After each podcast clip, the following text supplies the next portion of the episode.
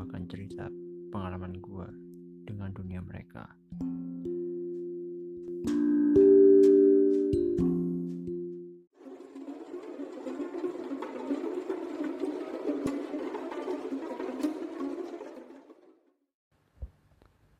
Ya, gue mau memperkenalkan diri gue.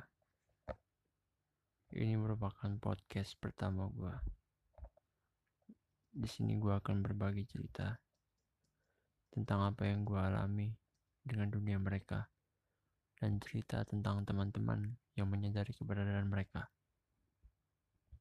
Cerita gue sendiri merupakan sudut pandang dari apa yang gue lihat, rasakan dan alami langsung terlepas dari apa yang kita yakini karena kita hidup di dunia ini tidak sendirian gue lahir dari keluarga kecil yang memiliki kehidupan normal pada umumnya dari kecil hingga remaja gue menghiraukan keberadaan mereka namun semakin ke sini dan semakin saat gue beranjak dewasa semua itu semakin jelas dan semakin menjadi. Ya, pertama kali menyadari keberadaan mereka. Itu ketika usia gue di lima tahun.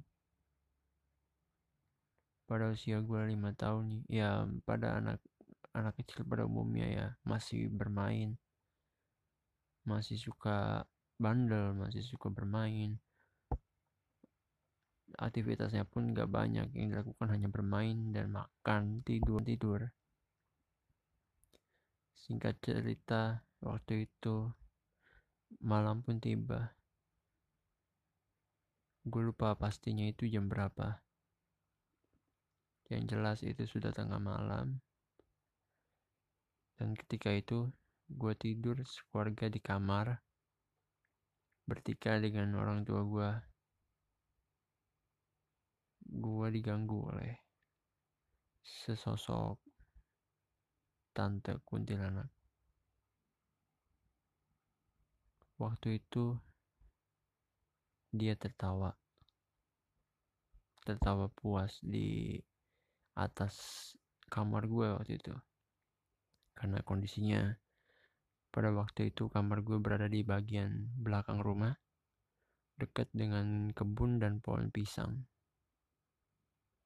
situ gue sadar kalau ada yang gak beres karena malam-malam siapa yang mau tertawa sebesar itu dan sepuas itu tertawanya. Kira gue ketakutan dan orang tua gue pun sadar karena keanehan dan suara tertawanya dia.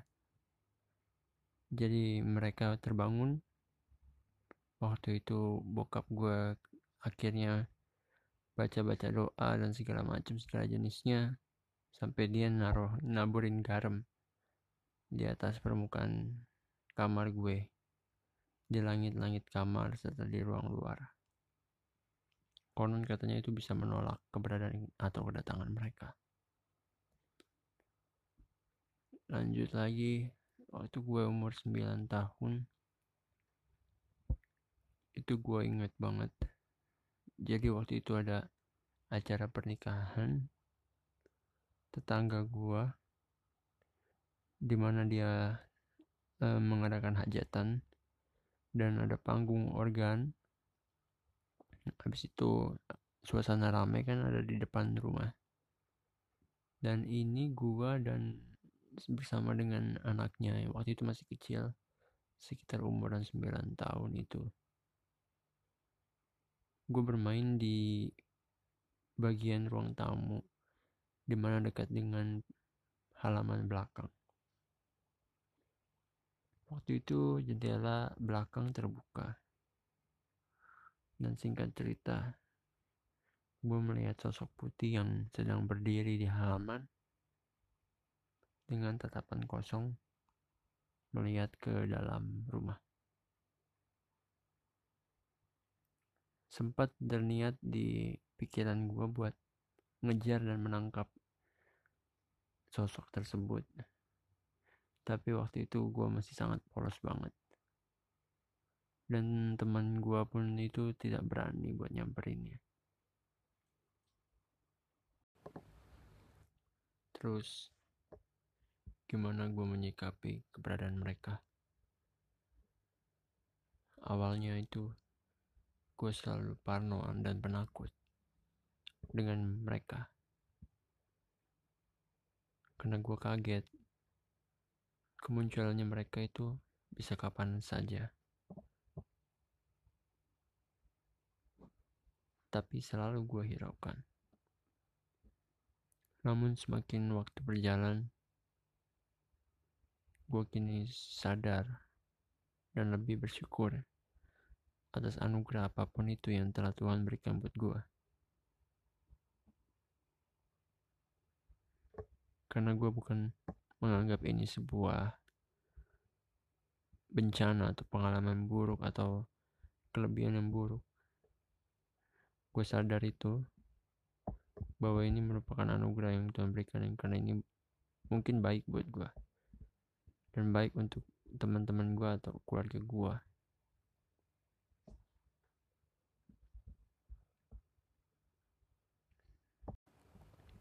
ya balik lagi ke tujuan gue mau bikin podcast ini.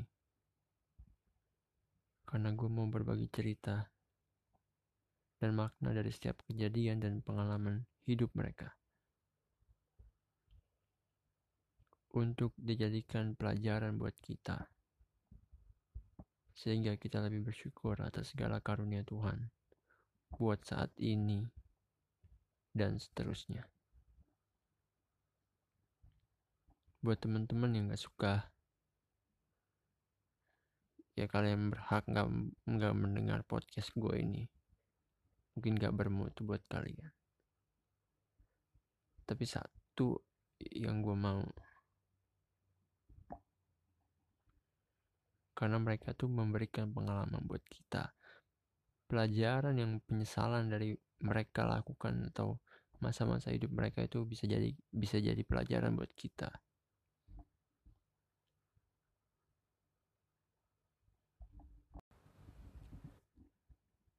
Terima kasih buat teman-teman yang udah mau dengar intro dari atau awal pertama gue bikin podcast ini.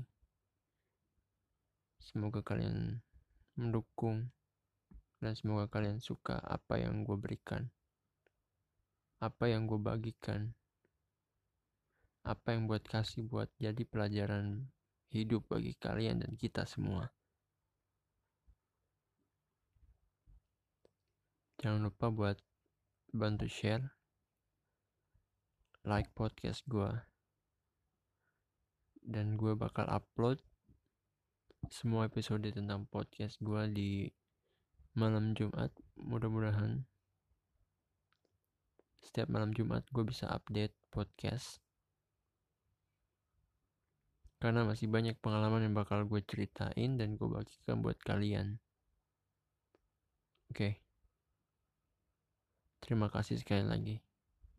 Selamat malam.